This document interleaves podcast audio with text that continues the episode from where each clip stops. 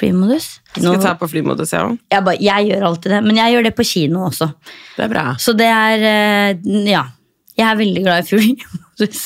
Men da tar jeg opp på flymodus. Det er bra. Så er det ingen som Det er jo luksusknappen på telefonen, er det ikke det? Jo. Flymodus. Det er egentlig det. Jeg har aldri tenkt på det. Så smart. Dritdigg. Folk driver med sånn 'ikke forstyrr, jeg tar flymodus', ja. Ja, ja, men det som er digg da, er jo at eh, da ringer de jo Hvis man har på lydløs, så kan du jo se at noen ringer flere ganger. Jeg vet. Spesielt. Hei og hjertelig velkommen til L podkast. Dagens gjest er regissør Thea Wissendal. Og når vi sitter her og spiller inn, så er det Skal vi se, da er det en, eh, akkurat nesten en uke til eh, premieren av hennes debutspillefilm 'Håndtering av udøde'. Kjære Thea, hjertelig velkommen. Tusen takk. Tusen takk. Og eh, ikke bare er det, det er, altså Selve filmen har jo premiere 9. februar. Men når vi sitter her i dag, så nå har vi nettopp snakket litt om at du har litt sånn nerver i kroppen, for du skal rett på festpremiere på Colosseum med 900 personer i salen senere. Ja, det skal jeg. Nå har vi nettopp sagt om hvordan du skal roe ned nervene og se hvor vi drar dem rett opp igjen. Ja, det går bra, det. Hvordan I, føles det? det I forhold til i kveld, så er jeg veldig nervøs, ja. Så Mm. med en gang jeg begynner å tenke på alt jeg skal si og gjøre, så bare liksom Du vet når det setter seg i magen og fått litt leamus på øyet og Hele kroppen er Ja. sånn ja. Selv om man tenker, eller sånn, Jeg gleder meg jo mest, men det er jo et eller annet med at uh, plutselig Eller sånn Det å vise filmen blir en sånn uh, veldig eksponering, pluss at man som regissør har du vanligvis veldig mye kontroll, mens plutselig går det nå ut av kontroll. Det er veldig sant. Ja. Ja. Ok, Vi må jo snakke litt om filmen. Det, mye, det har jo skjedd veldig mye spennende rundt denne, eh, rundt denne filmen. Eh, og helt sånn altså Vanvittig imponerende. Det er jo som sagt din spillefilmdebut, eh, og for en debut. Men vi må snakke litt om selve filmen først. fordi når dette her kommer ut, så har kanskje eh, Mange har kanskje sett traileren. Eh, noen har kanskje lest om den eh, på nyhetssiden i jeg vet ikke, eksempel L, som er et, eh, et veldig bra magasin, har jeg hørt. Eh, men du har jo da eh, annet Renate Reinsve og Anders Danielsen Lie i to eh, sentrale roller. Eh, og det er eh, Altså, det er jo en litt sånn derre Hva skal man si? Det er jo en sånn litt sånn sitte ytterst på setet-spennende film, samtidig som den rører i ganske sånn eh, dype menneskelige følelser i oss. Kan ikke du fortelle litt om hva den handler om? Jo, det er jo da en film som er satt i Oslo. Og så følger vi tre familier som egentlig alle er i sorg. Og så får de oppleve det største ønsket som alle har når man har mistet noe man elsker, da, og det er jo faktisk å få det tilbake. Som er, egentlig er en umulighet, men som disse menneskene da opplever etter at det har skjedd et slags strømbrudd i Oslo som har gjort at de nylig døde våkner til live. Og så følger vi da disse forskjellige familiene, egentlig et litt sånn intimt portrett av hver familie, og hvordan de håndterer å få tilbake den de elsker, men i en slags ny form, da. Fordi udøde er jo verken døde eller levende, eller sånn. Hva er de? er jo kanskje det filmen lurer på, og så følger man deres håp og lengsel etter å få de tilbake, eller ja, hva de skal gjøre med de, da. Jeg har alltid tenkt på det som en dramafilm, men med et horrorpremiss, eller det har et slags zombiepremiss hvis man tenker at alle som våkner fra de døde, er zombier, samtidig som f.eks. oppstandelsen i kristendommen, når alle de døde skal stå opp. Eh, Da er det jo ikke zombier. Ja, så, ikke sant? så det er jo litt variasjoner av eh, Men det er jo en take på zombiesjangeren, på en måte. Men jeg tenker alltid at det er en slags zombiefilm for de som ikke liker zombiefilmer. Ja, det er godt beskrevet. Ja. Så det er jo mer Altså, det handler jo først og fremst om de levende og deres relasjoner seg imellom, og egentlig så er det jo mer sånn i denne filmen så blir jo de udøde et slags sånn visuelt bilde på sorgen, da. Og eh, det mennesket som har vært, på en måte, men som ikke lenger er.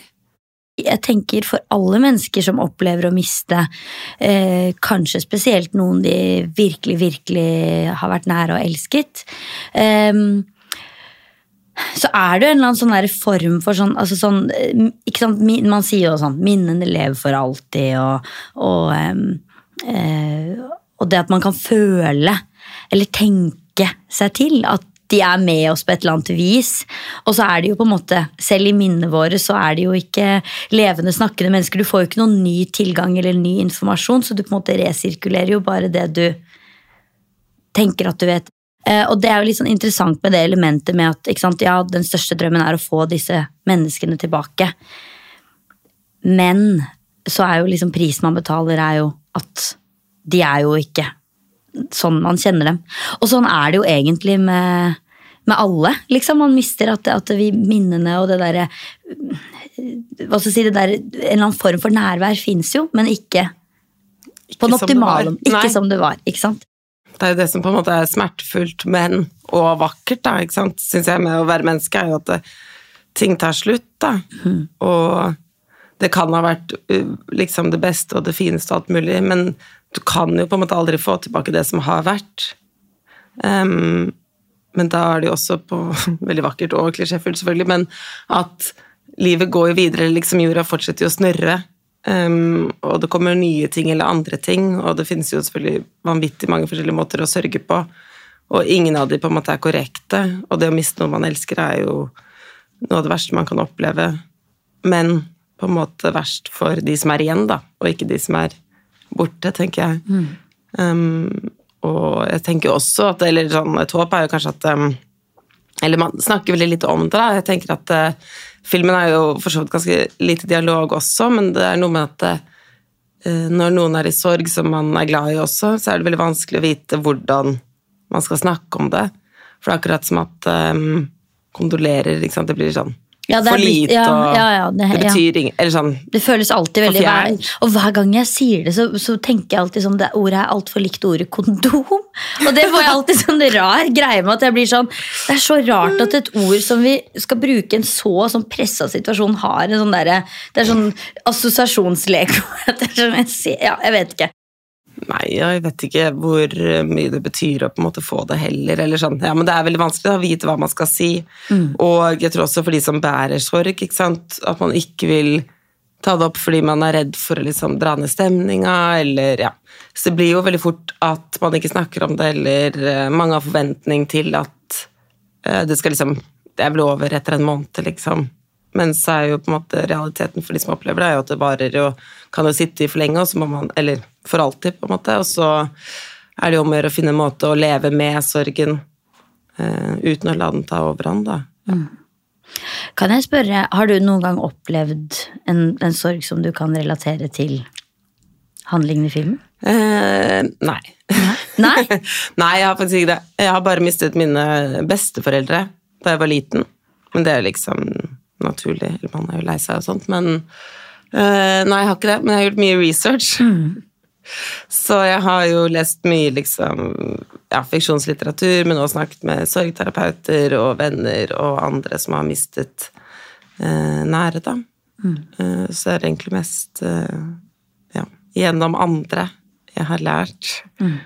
Eh, og på en måte utforsket sorg, da, som jeg syns har vært spennende også fordi jeg liksom ikke kjenner til det eh, personlig, men som eh, jeg ikke gleder meg til Nei. å kjenne heller. Ja. Er det noe, har du funnet noe felles liksom, i, altså, gjennom researchen din? Er det, sånn, er det noe vi kan si, eller du føler at du kan si om sorg? Nei, det er vel Nei, det tror jeg ikke, og det er vel det som er også at alle reagerer jo på forskjellig vis, men um, Jeg vet Ja, det eneste er vel at alle vil bli gjerne at det ikke skulle skje, på en måte. Ja. At man skulle fått det tilbake, og jeg føler jo døden er jo på en måte det eneste vi ikke har eh, Hva sier man på norsk, da? Men conquered. Ja, ja, ja vi har ikke overvunnet eller- Ja, det er ja, vi ikke har kontroll på, eller liksom har klart å Vi har ennå ikke ja. lært, lært oss å lure døden, liksom. Nei, som mennesker så er det på en måte det eneste mysteriet som gjenstår, men som også gjelder oss alle. Så det er jo Men allikevel noe som vi nå til dags ikke liksom egentlig snakker så mye om, eller altså Før i tiden så kledde man seg jo mer i svart, eller det var veldig tydelig at man sørget Ja, Det er masse etikette. Sånn, altså, rundt det der med sånn der første fase er det sort, og så i hvert fall sånn enker og sånn. Skal de gå i lilla, for da blir de liksom i en sånn ny altså, ja, Masse. Og, det, og jeg skjønner det litt, fordi når man møter altså Når du står overfor noe som er så u, altså, så menneskelig, men samtidig så overveldende, da, så skjønner jeg nesten det der behovet for å ha noen sånne Ja, og den derre trangen til å på en måte ikke glemme, da, eller sånn Det er vel sikkert den største frykten man har, at det mennesket man har elsket så mye, på en måte skal forsvinne helt, da. Så da er det jo også et eller annet fint med å kunne gjøre sånne ritualer for å eh, beholde det slags nært. Det er samme som Har jeg lest en um, eh, bok som heter Magical Nei, The Year of Magical Thinking? Altså, det er helt sykt at du sier det, fordi jeg skulle altså, Ok, det her er helt sjukt. Nå tror jeg vi har sendt en tanke over bordet her, eller sånt, for jeg skulle akkurat ta, ta opp den boka. Joan Didion, um, som skriver om um, tapet av både sin mann og datter innen en helt sånn ekstremt kort tidsperiode. Ja, det er fantastisk og helt uh, jævlig, selvfølgelig. Men uh, det som jeg husker også veldig godt derfra, er jo hvordan hun på en måte nektet, eller sånn ikke klarte å gi fra seg skoene og klærne hans. Ja, ja. Fordi at hun var sånn helt sikker på at ja, men Ja, blir Det kan jo være han ja, kommer Ja, tilbake. blir, blir, blir ne- nesten at hun omtaler det som at det, sånn, åh, det blir jo nesten litt sånn eh, rart. Ja. Rar stemning når han kommer tilbake. At jeg har gitt bort det, liksom. Eller sånn, ja.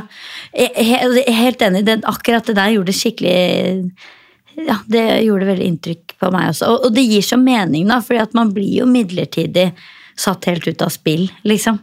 Og eh, eh, ja, og, og, og på en måte nesten som man ja, Det er jo liksom det hun beskriver, det er jo en sånn tilstand av en sånn ja, mellomverden, da, eller magical thinking, eller hva man Ja, hvor på en måte realiteten og Hva skal jeg si? Realiteten og Og ønskene, ønskene dine, eller ja, liksom overlevelsesmekanismen din er en helt sånn skikkelig konflikt. da. Mm.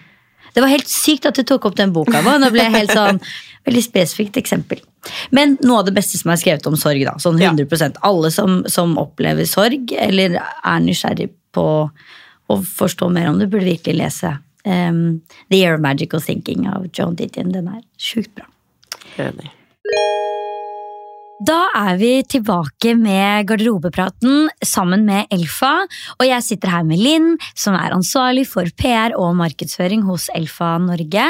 Eh, og vi har jo, i dag skal vi faktisk tilbake til et tema som vi har vært innom før, og som vi garantert skal tilbake til. Men det er jo den store garderobedetoxen.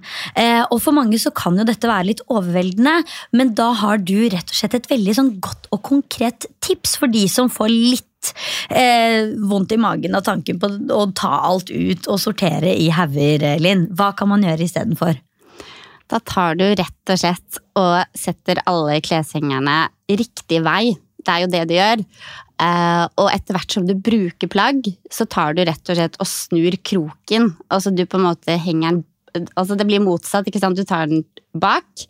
Eh, og eh, dette her er jo noe du også kan gjøre sesongvis. Du kan rett og slett La oss si nå er vi i vintersesong, da, så dette her gjelder vintergarderoben din. Så tar du en ny sjekken da om tre måneder, og ser da hvilken plagg du faktisk bruker. Og da kan det være fint å ta en revurdering på disse plaggene. Om de skal få et nytt hjem, eller om uh, Ja, kanskje det er noen andre som trenger de mer enn deg, da. Ja, altså Det er et så konkret tips, fordi da blir det veldig synlig. Da er det sånn, ok, Den er ikke rørt på tre måneder i innværende sesong. Kanskje det er på tide å gi slipp, rett og slett. Ja. Akkurat. Og det er veldig deilig også. Og på en måte eh, Hvis man er knytta selv da, og syns det er vanskelig, så på en måte blir det jo veldig tydelig i en sånn prosess. Men det har jo vært en helt eh, enorm eh, spennende tid, vil jeg nesten bare anta, eh, i forbindelse med denne filmen. Eh, blant annet at den ble valgt ut til Sundance-festivalen. Eh, og du fikk ha en, en verdenspremiere der, som gikk av stabelen 20. januar. Ja, Ja. fortell om det, liksom. Ja, det føles veldig stort og veldig gøy.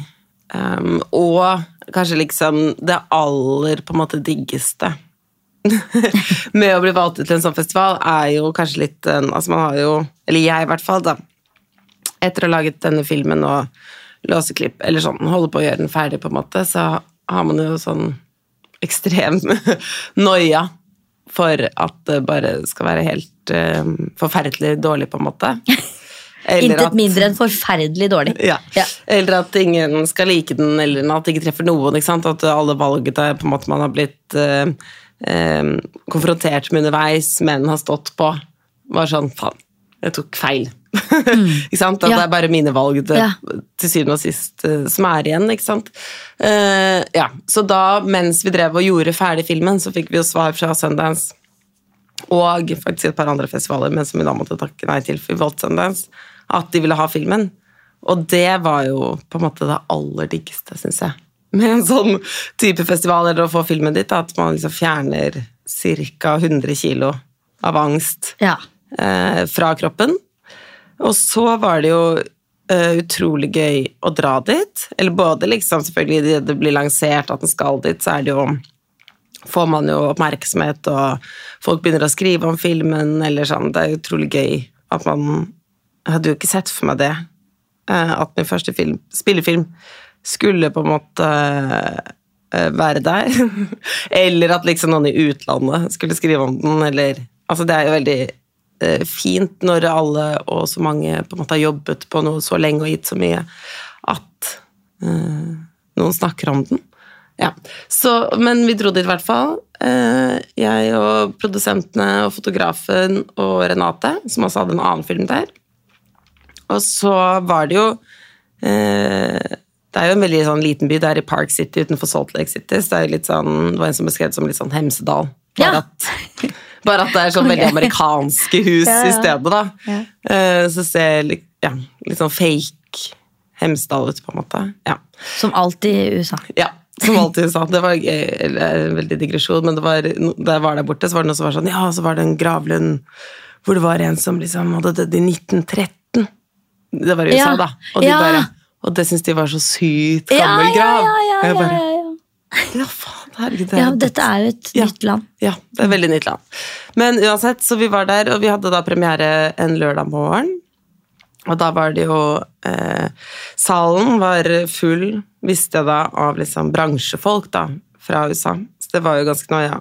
Og helt jævlig å sitte inne i den salen og vise frem. Men det gikk heldigvis veldig bra. Og så, jo, og kanskje det er en annen ting Altså, det var jo veldig gøy, og så fikk man masse fine reaksjoner etterpå. Og så uh, Ja, før visningen så hadde vi altså sånn mitt første møte med rød løper, eller carpet, eller hva det heter. Ja, ja, ja. Red carpet. Ja. Ja. Ja. Men det var, mer, det var også veldig sånn behagelig uh, løper, da, for det var liksom inni et telt og veldig sånn Ordna forhold. ordna forhold, ja. Veldig oversiktlig. Ja. Eh, så hadde jo med Renate, som hadde gjort før. Um, ja, så Det var jo egentlig på en måte det mest spennende som skjedde der borte. Og så var det jo masse på en måte store navn, og ikke sant, Christopher Nolan var det, altså masse store Men man ser jo ikke de, på en måte. Vet ikke helt hvor alle er, eller noen ting, men man går jo bare rundt, og så hadde vi jo mye presse. Så dagene gikk jo egentlig mest til det, og så til masse møter, og så var det ferdig.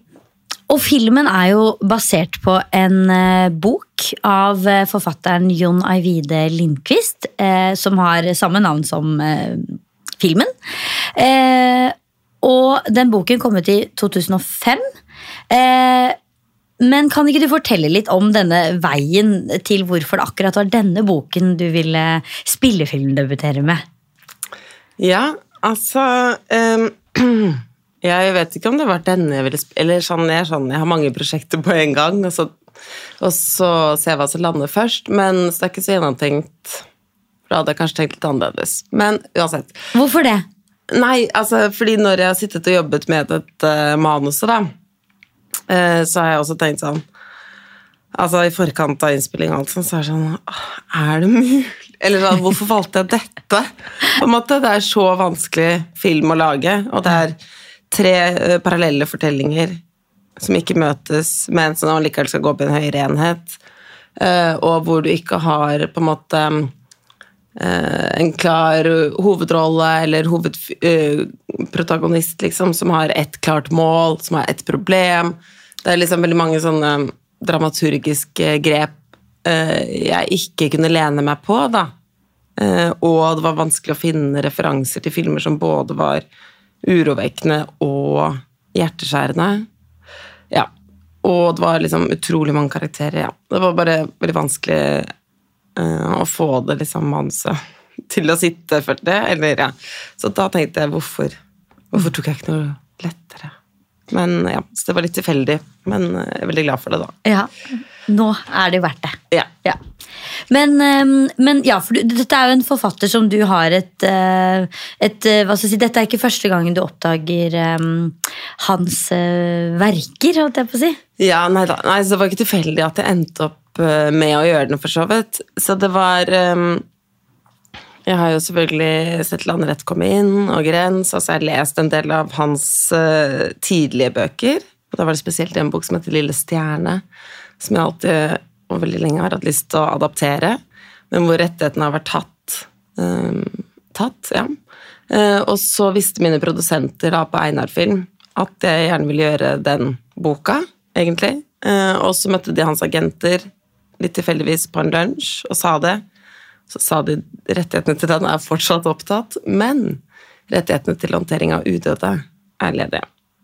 Og så hadde jeg faktisk ikke lest den boka, selv om jeg hadde lest både den før og den etter. Så da rasket jeg meg uh, å lese den.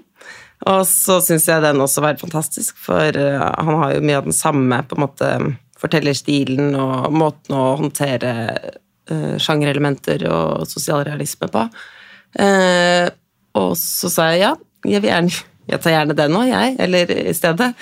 Og så hadde jeg et møte med han, og han fikk se kortfilmene mine, og så sa han at jeg kunne få de. Så det var veldig kult. Og så arvet jeg da et manus, faktisk. For uh, i og med at den boken var jo fra 2005, så var det da i Sverige, jeg vet ikke, for 15 år siden eller noe sånt, at det var en svensk regissør som jobbet med å få den opp, og nesten fikk den opp, men så skjedde noe med finansieringen eller noe, så da fikk jeg på en måte arve det manuset som de hadde jobbet frem da, da. Som han, forfatteren hadde adaptert selv. ja. Og så er det da du og eh, Jon Arvide Lindqvist som har jobbet sammen for å lage dette manuset som nå er filmen, liksom. Ja. Ja. Eller ja, jeg på en måte fikk det manuset han hadde skrevet, Ja. så gjorde han et par runder på det, veldig sånn små ting, og så eh, fikk vi litt bedre tid enn det vi trodde først på innspillingen, så da fant jeg ut at jeg til slutt måtte liksom sette meg ned og skrive det selv, da. Ut ifra Altså omskrive det, eller hva man skal si. Hvordan går du fram da, liksom? Det var en ganske lang prosess, fordi uh, altså det var veldig mye kult i det manuset jeg fikk, men det var veldig, altså det var veldig stort og hadde mye mer av på en måte samfunnsaspekten og hadde litt flere sånn hvor du på en måte blir pusha til å sånn mm, Tror jeg egentlig på dette? Uh, og det var ja, Så det var en del ting der som heller ikke helt funket, syns jeg. Eh, men så blir man jo veldig redd for å fjerne ting når du ikke har skrevet de selv, og man vet ikke helt hva det betyr eh, på samme måte, eller om du ødelegger noe av det som man egentlig likte og sånn. Så det var en veldig lang prosess, og først så eh, Mens jeg da var i perm, så fikk jeg noen andre til å hjelpe meg å prøve å løse noen av de utfordringene som var der, med å liksom bygge det ut, gjøre det enda større, eh, som også heller aldri helt satt. Og så til slutt så begynte jeg da å skrive på det selv, og så jobbet jeg med en veldig god manuskonsulent. Eh, som også Det var utrolig digg, for hun hjalp meg på en måte å stille spørsmål som gjør at jeg kommer frem til ikke sant, sånn derre eh, For det var veldig mange ting egentlig i filmen da, når du begynner å stille spørsmål, så er det sånn Nei, det er ikke egentlig så farlig for meg, denne delen her. Og så prøver du likevel å få det til å funke, eller jeg er kanskje ikke så interessert i eh, samfunnsaspektet, eller eh, Ja. Så begynner man på en måte å, å skrelle bort og skrelle ned, men jeg følte det tok ganske lang tid å liksom finne mm, meg selv i det, da, og tørre å liksom fjerne eh, ting som var. Det skjønner jeg så godt. Det er sånn den der å liksom, ja, Du skal liksom inn og For du må jo på en måte også plukke det litt fra hverandre. Noen andres arbeid, og så liksom ja, være selektiv på hva, hva, hvilke biter går inn igjen, liksom. Ja, ikke sant, og, og han er jo veldig dyktig forfatter, liksom. Så han har gjort det masse, jeg har ikke gjort det noe. Så man blir også veldig sånn Ja, men derfor var det utrolig trygt å ha med hun mannskonsulenten, da, som øh, gjør Eller som hjalp meg liksom å åpne og, og finne ut hva jeg egentlig var mest interessert i, og hvordan på en måte dyrke det mer. Du har jo eh, noen helt fantastiske skuespillere med deg på laget. Var det liksom, visste du Når visste du at du ville ha dem, og var det sånn, var de, altså, var det ønsket fra start, eller hvordan blei det liksom det teamet? Ja, jeg visste jo Jeg fikk jo rettighetene til boka helt i slutten av 2018. Og så eh, Og da visste jeg egentlig jeg ville ha Bjørn Sundquist eh, og Anders Danielsen Lie og Bente Børsum. Og alle de er jo med, eh, så det var jo veldig digg. Eh, Og så var jeg ikke helt sikker på hvem som skulle spille den rollen som, rollen som nå Renate har. Um, men så, ja, så tok det jo litt tid, og så kom covid og alt sånt. Så da vi gjorde, begynte å gjøre prøvefilming igjen for å skulle gå i innspilling, så det var vel kanskje et og et halvt år ja, det var på våren eller vinteren 2021, tror jeg. Eh, så begynte vi å gjøre prøvefilminger igjen, og jeg hadde noen i tankene, men så, ja, så så jeg Renate sin, og da var det sånn Renate sin Ja, unnskyld, eh, prøvefilming. Altså, ja, ja, hun, ja, hun var på prøvefilming. Ja. Ja, ja, hun var på prøvefilming. Og da øh, Jeg var ikke der, så da får jeg liksom videoer, ikke sant. Ja, så ja, den ja. første runden syns jeg i hvert fall er veldig fint å bare se de på video først, og så Yes. kommer man inn og gjør den andre runden selv. Uh, men uh, da var det i hvert fall helt sånn bakoversveis, for det var sånn Eller sånn Ja. Det er der karakteren er. For det er Ja. liksom noen ganger vanskelig på papiret, ikke sant. For det er jo skuespilleren bringer jo så mye liv og um, karakter på en måte til de personene, da. Og da visste jeg jo så tydelig med de andre hvem de var. Men jeg syntes det var vanskelig med hun Anna, da. Ja, Så hun gjorde en helt fantastisk prøvefilming. Og så kom hun tilbake og spilte da mot Bjørn, som skulle være faren.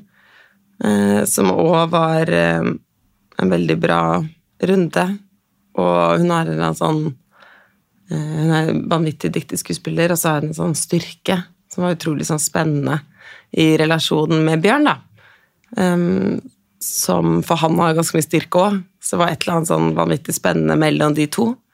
Eh, Så da, ja, så da, men så var jeg veldig usikker, for jeg visste jo da Dette var jo i forkant av eh, at 'Verdens verste' hadde kommet ut, og før den hadde vært på Cannes og sånt. Eller før jeg visste at den skulle til Cannes, men de hadde jo spilt den inn. Så jeg visste jo at de spilte sammen, hun og Anders, i samme film. Og så er det jo Man vil jo egentlig helst ikke Eller sånn man, Ja, det blir man- Jeg følte liksom åh, det er dumt å ta de samme skuespillerne, på en måte. Um, det er ikke så kult gjort, eller det er jo helt greit, men ja. Men så følte jeg sånn, ok, men de spiller ikke mot hverandre, de spiller ikke samme familie. Jeg må bare gå for den beste, uansett. Ja, så jeg gjorde det. Eh, og så var det jo fantastisk alt som skjedde med Verdens verste, som på en måte tok hele verden med storm.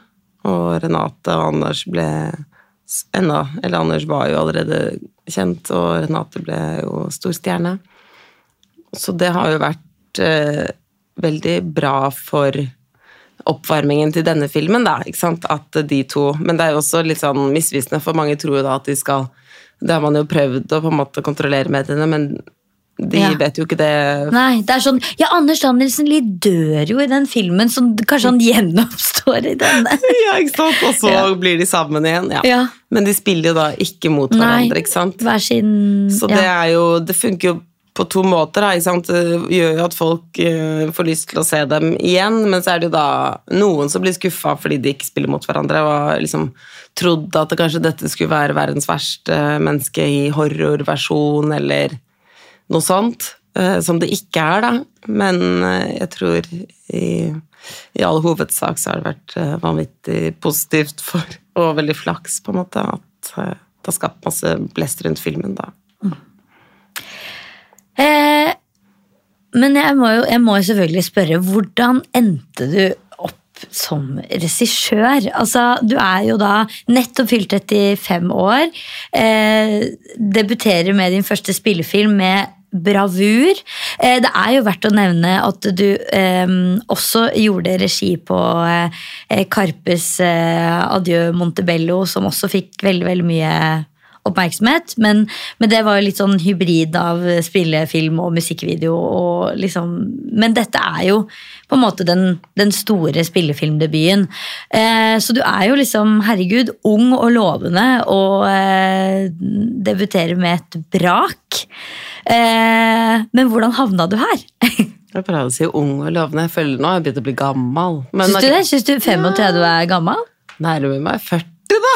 Ja, men altså like nærme 40 som du er 30. da. På en måte, sånn. ja, ja. Jeg tenker glasset er veldig halvfullt. jeg. Ja. Ja. ja, men det er bra. Eh, ja, hvordan havnet jeg her? Altså, Da jeg var liten, hadde jeg veldig lyst til å bli reklamefilmregissør. Jeg syns reklamer var så utrolig gøy. det var veldig mye bedre reklamer da jeg var liten. Ja, jeg er enig. enn det det er nå. Eh, ja. Men så glemte jeg det, at jeg ville det. Men jeg ble veldig interessert i film på videregående Nei, unnskyld, jeg tror det var ungdomsskolen.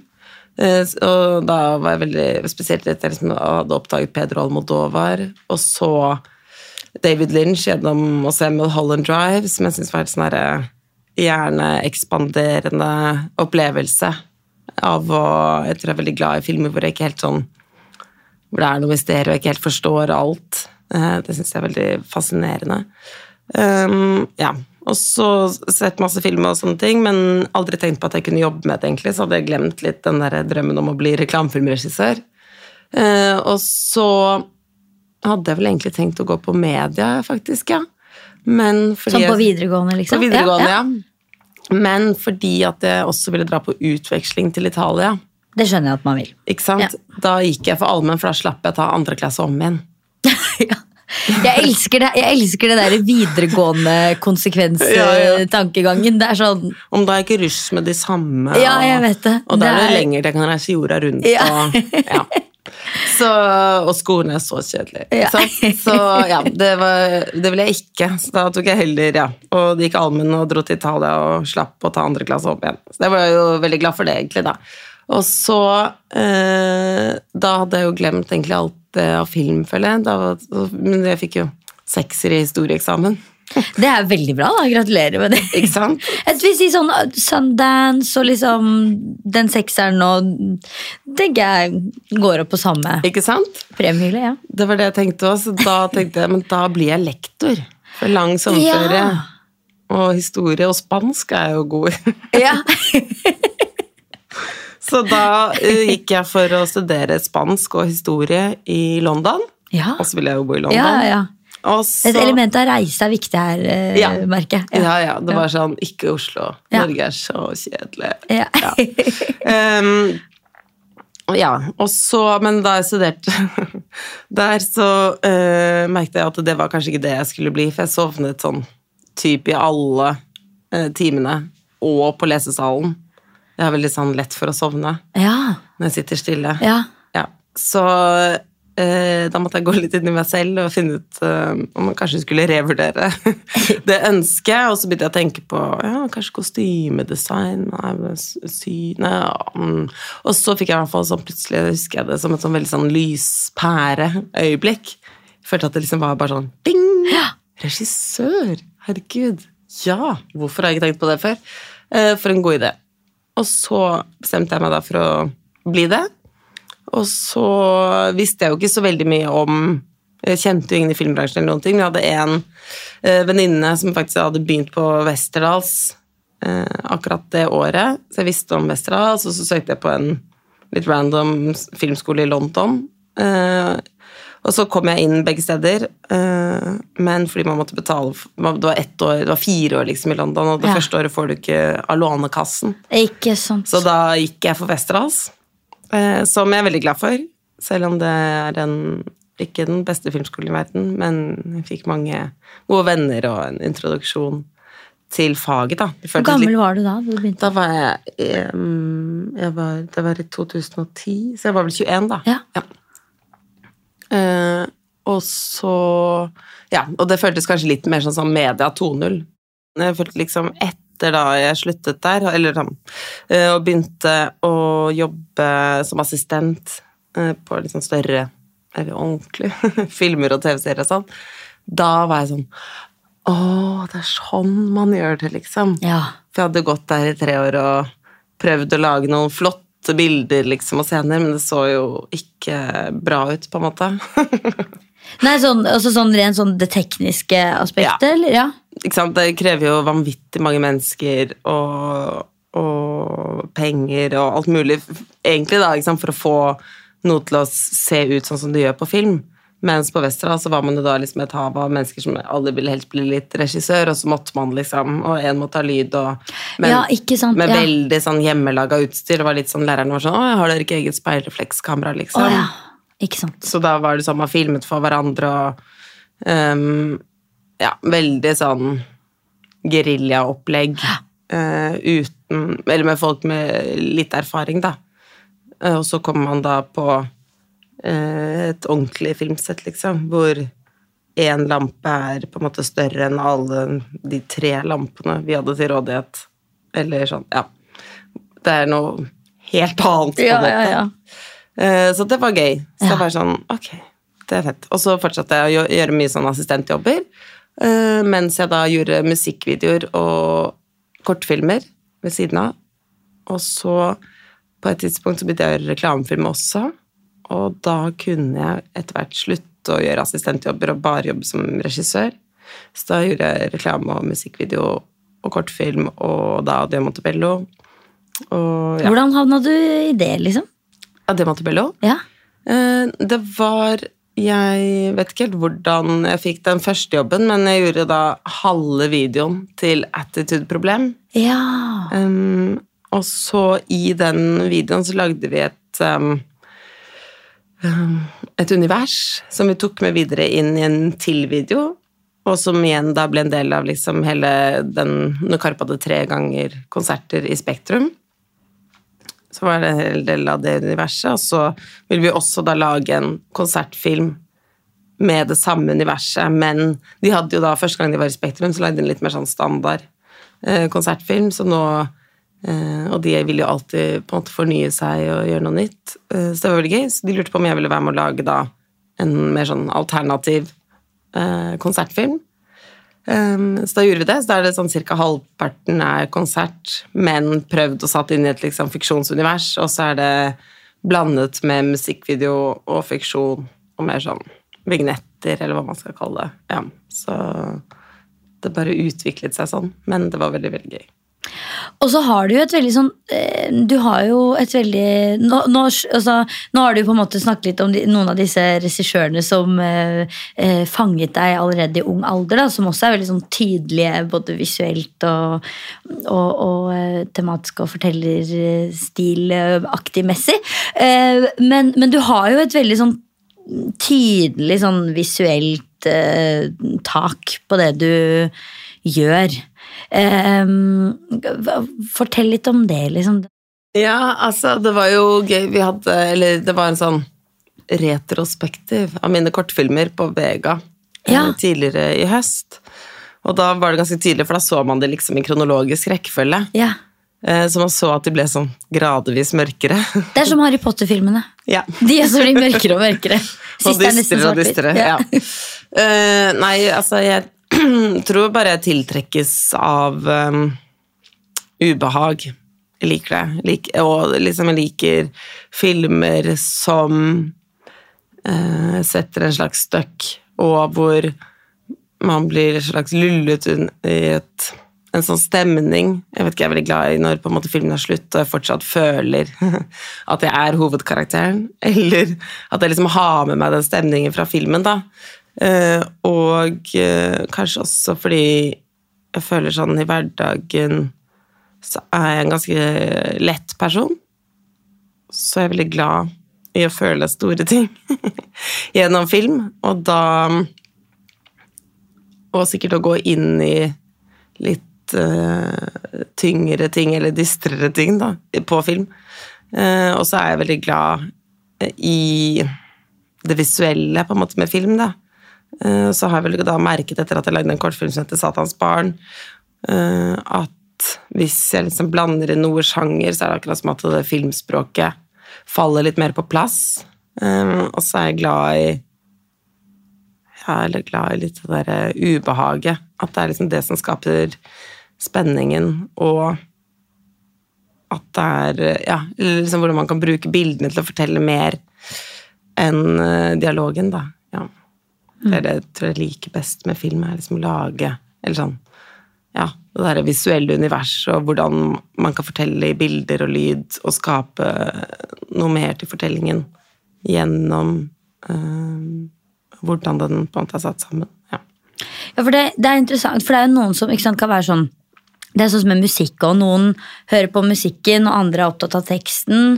Og med film også, så kan det være liksom, noen er opptatt av manus eller dialog, andre er opptatt av kostymer og scenografi. Altså selvfølgelig, Det er jo alltid en helhetsopplevelse, men det er jo ofte litt sånn øh, tydelig at man Folk kan bli grepet av. Eh, Ikke selvfølgelig enten eller, det er jo ikke så svart-hvitt, men at, at det er noe som trigger. da. I, I disse tingene, sånn musikk, sånn musikken eller teksten, eh, altså det visuelle eller manuset, hvor, hvor, hvor havner du? 100% musikken Ja. og følelsen. Ja. Jeg syns det er vanskelig å høre teksten. Ja. ja, Ja. ja det syns jeg. Men jeg kan elske å på en måte være i den stemningen musikken gir, eller Ja, det er virkelig liksom musikken som treffer. Teksten er sånn nesten irrelevant. Eh, også i film så tror jeg det er mest Altså alle er jo selvfølgelig glad i en god historie, men jeg tror det som på en måte tiltrekker meg med film, er mer um, stemningen, uh, mystikken kanskje, men også uh, ja, det visuelle 100% og heller um, at noen har prøvd på noe, og så treffer det liksom ordentlig med en scene eller to, men så går kanskje ikke historien helt opp, men det er ikke så veldig viktig for meg. Barbie egentlig. føler jeg var 100 sånn. Jeg synes Det var kjempegøy visuelt, og så syns jeg historien var helt sånn Hva er det manuset altså det, ja. Barbie var sånn visuelt sett en en 17. mai og jule altså Jeg var så imponert over alt, scenografien og alt. Jeg var liksom, Herregud, de har faktisk liksom, de har tenkt på alt, da. Og så manuset var jeg helt sånn satt igjen og var helt sånn Hæ? Hva Ja, det, Barbie hadde veldig mange eh, Altså Barbie-land Ja, var jo fantastisk, og noen sekvenser var jo helt rå. Og så var det kanskje liksom der hvor den ble for sånn teskje-mating. ja. Ja. At det ikke helt den ja, monologen eller sånn det som skulle redde. Ja, det, det, ja, den kunne vært klippa bort. Ja.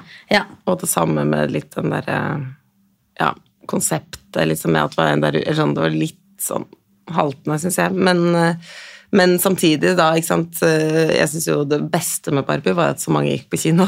Enig! Enig. Barbenheimer-effekten. Ja. Alle var på Det var sånn to for én.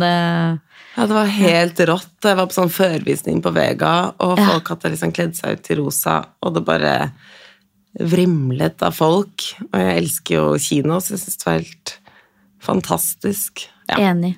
Men, men ok, så, men, um, fordi en ting, altså, Det er jo så mange aspekter med film. ikke sant? Det er jo det visuelle, det er storytellingen. eh, Men som regissør så er det jo også det her at du jobber jo eh, Du sitter jo der med liksom eh, altså Du er jo kapteinen med liksom roret og, og skal på en måte sy alt det her sammen til noe. Men, men et, et også veldig viktig aspekt selvfølgelig av den rollen er jo nettopp det arbeidet med skuespillere. Eh, og med en så sterk sånn visuell tilnærming som du har til film, hvordan syns du den delen av regissørjobben er? Det der å liksom jobbe med skuespillere, for det er jo nesten litt sånn der terapeutisk, psykolog, coacheaktig del av det også, liksom. Det å, å, å flette deres prestasjoner og, og sånn inn i dette universet, liksom. Ja, jeg syns jo uh, det å jobbe med skuespillere er jo det skumleste med å lage film. Og så har jeg jo i mine tidligere filmer har det jo vært mest uh, Man kaller jo da mennesker som ikke er trente skuespillere, det heter jo da amatører. Som ofte er barna og sånne ting. Uh, så det er jo det jeg egentlig har jobbet mest med frem til nå. Uh, så ja, jeg syns det var Gruet meg mest Eller var mest nervøs for det, for man får jo også veldig sånn eh, prestasjonsangst, ikke sant, for å Man sier de riktige tingene, eller om man hjelper til nok, eller la, la. Eh, men eh, det jeg på en måte skjønte veldig fort da vi gjorde en sånn kameratest da, med Bjørn og Renate et år før innspilling, var jo sånn For da skulle bli tester, om vi skulle skyte på 35 mm eller 16 mm, så da skulle vi gjøre to tagninger av av hver eh, setup, på en måte. Eh, og da var det sånn Å ja, skjønte jeg. De er jo bra uansett. For liksom, amatører er mer sånn Du må bare jobbe til det på en måte eh, spiller, eller sånn. At det høres eller føles ekte ut, på en måte. Og så er det sånn ok, neste, og så har man dårlig tid og alt sånt. Eh, Mens her var det sånn å ja, det er ekte, på en måte. Eller sånn. Det er Ja. jo bra uansett. Ja. Jeg kan hva- ikke si noe feil her, liksom. hva gjør man da? ja. Da er det jo på en måte å jobbe videre fra eh, ikke sant? Hvordan teste ut forskjellige variasjoner. for Man vet jo aldri helt hva du egentlig trenger i klippen. Du kan jo tro at du har lyst på én ting, men så ønsker du deg plutselig noe annet når du setter det sammen, eller det leses på en annen måte, eller ja, så Det var liksom en helt sånn eh, Ja, det var jo på en måte noe nytt, da.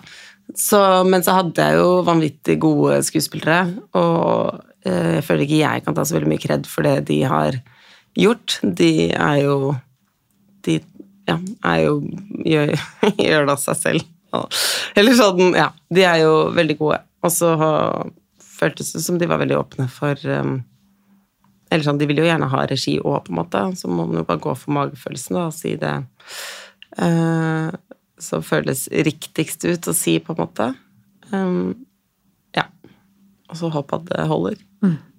Føler du nå, liksom, altså fra du på en måte leste boken første gang og liksom tilbake til eh, ikke sant, Du snakket med denne manuskonsulenten, eh, også etter hvert når disse skuespillerne falt på plass. I da kombinasjon med din sånn utrolig sterke visuelle visjon, da, føler du at filmen ser ut sånn som du trodde? Eller håpet eller så for deg? Eller? Ja, faktisk. Så eh, Og det er jeg litt stolt av. Og så er det jo på en måte sånn Om det var den riktigste måten å gjøre det på eller ikke, det uh, vet jeg jo ikke. Men jeg føler faktisk at filmen har blitt det jeg hadde lyst til at den skulle bli. Så tror jeg kanskje at det er sånn Jeg har ikke nødvendigvis et sånt 100% klart visuelt bilde av hele filmen i hodet, hvis du skjønner. Men det er mer sånn jeg har sånn følelse av hva det skal være. Og så har man jo i forkant også skrevet et uh, reginotat. Uh, og da hadde jeg jo Eller sånn underveis i klippen så ble jeg sånn innså jeg, For jeg har jo egentlig tenkt hele tiden sånn Jeg lager bare en helt vanlig film, på en måte. Og så, når vi drev og viste den rundt i klippen, så var det sånn Oi, den er eh, veldig spesiell, eller oi, så modig valg, eller noe. Så bare Å ja. Folk sa det? Ja. ja. Å ja. Eller hæ, er den ikke helt vanlig, liksom? tenker jeg. Og det er noe med den der, fader, altså, det er så rart det der med det der når noen sier ja, dette var modig, så blir man sånn er det, er det positivt? Ja. Er det et kompliment? Fordi da blir det sånn modig. Ja, men hæ? Er det litt sånn Ja, fordi det er helt fucka, eller fordi Ja, ja, ikke sant? Eller hva betyr det? Er det nyskapende, eller hva? Og sånn Eller ja, ikke sant, og den er jo kanskje Den kunne jo sikkert vært mer eh, kommersiell i utformingen, for eksempel, eller sånne ting, da. Men i hvert fall da så ble jeg da sant, på et punkt som bare Herregud, har ikke, eller hva er det jeg har solgt inn, liksom? Eller sånn. Nå må jeg gå tilbake og se, og da gikk jeg liksom tilbake og så på dette reginotatet, og da var det sånn Ok, her står det jo faktisk Ja. svart på hvitt eh, hvordan den skal være, og det er jo det den er nå. Um, så det var jeg veldig glad for. Så jeg føler virkelig at den har blitt det jeg ville at den skulle bli. Og så eh, Ja. Så jeg føler den har tikket opp liksom, de boksene jeg hadde satt av meg, og så er det jo uh, Men for eksempel, jeg hadde ikke ja, Det var ikke aldri tanken at det skulle bli en perfekt film, for eksempel. Nei, ikke sant? Så det er det ikke. Men den har mange andre ting. Ja. Ja. Eh, du har blitt omtalt som eh, kompromissløs. Hva betyr det for deg det å liksom være kompromissløs i en sånn kreativ eh, arbeidsprosess, liksom? Hmm, altså Ja, ikke sant. For, eh, jeg ville sikkert ikke beskrevet meg selv som det, da, eller tenkt på meg som det, men det er jo mm, veldig viktig for meg. Eller sånn hmm, jo, Jeg har en veldig sånn tydelig magefølelse av hvordan jeg vil at ting skal være, eller sånn, og hva som må være på plass for at det skal bli sånn som jeg har sett for meg. Eh, så må, man, sånn, det er jobben min, på en måte, å kjempe så hardt jeg kan eh, for at de valgene jeg mener er riktig for filmen, er det som går igjennom, da. Um, og så eh, er jeg vel også kanskje litt eh, faktisk sånn Eller sånn Det stemmer sikkert ikke alltid, men sånn egentlig så tror jeg at jeg bare Eller sånn, jeg liker å ta valg, men også bare kjøre på. Eh, sånn at um, det er ikke sånn at jeg på en måte analyserer meg tusen milliarder ganger frem til det ene eller det andre. Jeg har bare sånn følelse av at sånn må det være. Så tenker jeg jo selvfølgelig mye rundt det, men um, ja.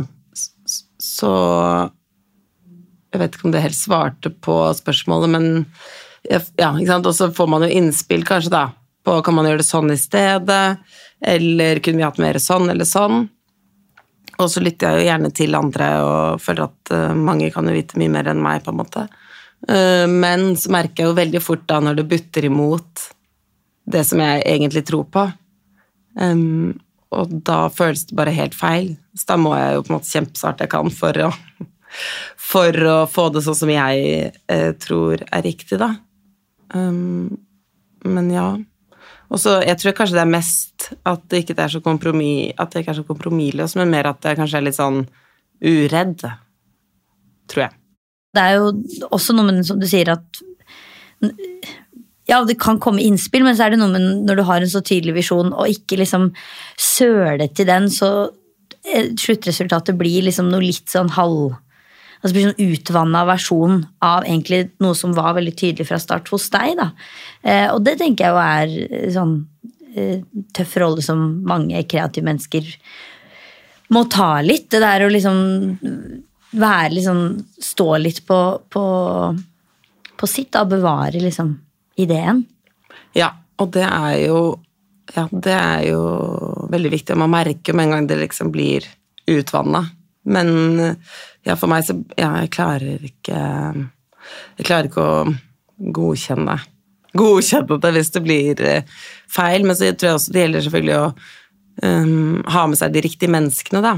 Det er jo på en måte det aller viktigste, og spesielt liksom film som virkelig er sånn uh, et lagarbeid, da. Filmen, Hadde jeg byttet ut noen av de hovedfunksjonene på en måte med noen andre, så hadde den jo garantert blitt litt annerledes. Den hadde jo ikke blitt For det er jo så mange som er på en måte med å ta valg og lage filmen.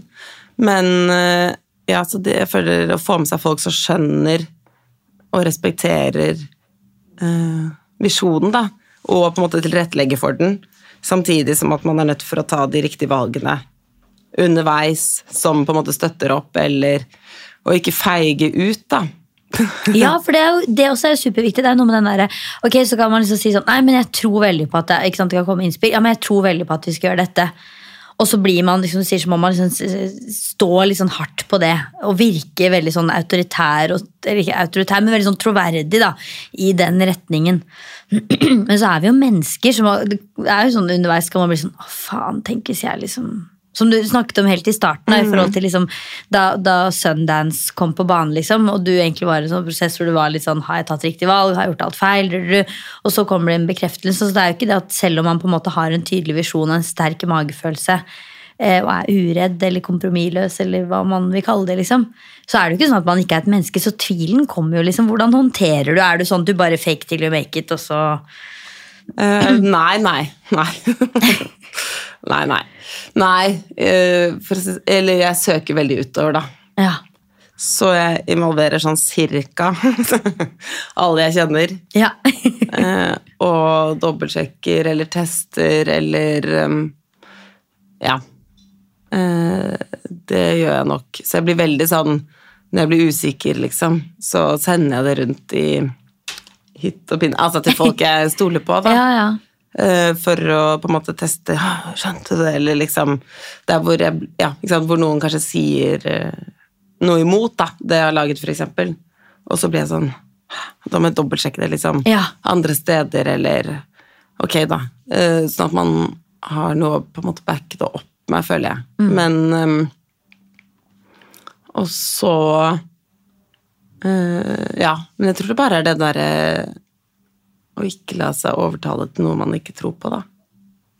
Eh, gratulerer så mye med en fantastisk eh, hva skal jeg si, start på altså Denne filmen har jo fått en fantastisk fødsel, eller hva man skal si. Eh, det blir kjempe, kjempegøy å følge deg videre. Eh, og så håper jeg jo at eh, mange av dere som lytter, eh, løper til kinoene. De trenger vi. og ser håndtering av udøde et eller annet sted i landet etter 9. februar. Tusen takk for at du kom, Thea. Tusen takk for meg. Og gå på kino. Gå på kino!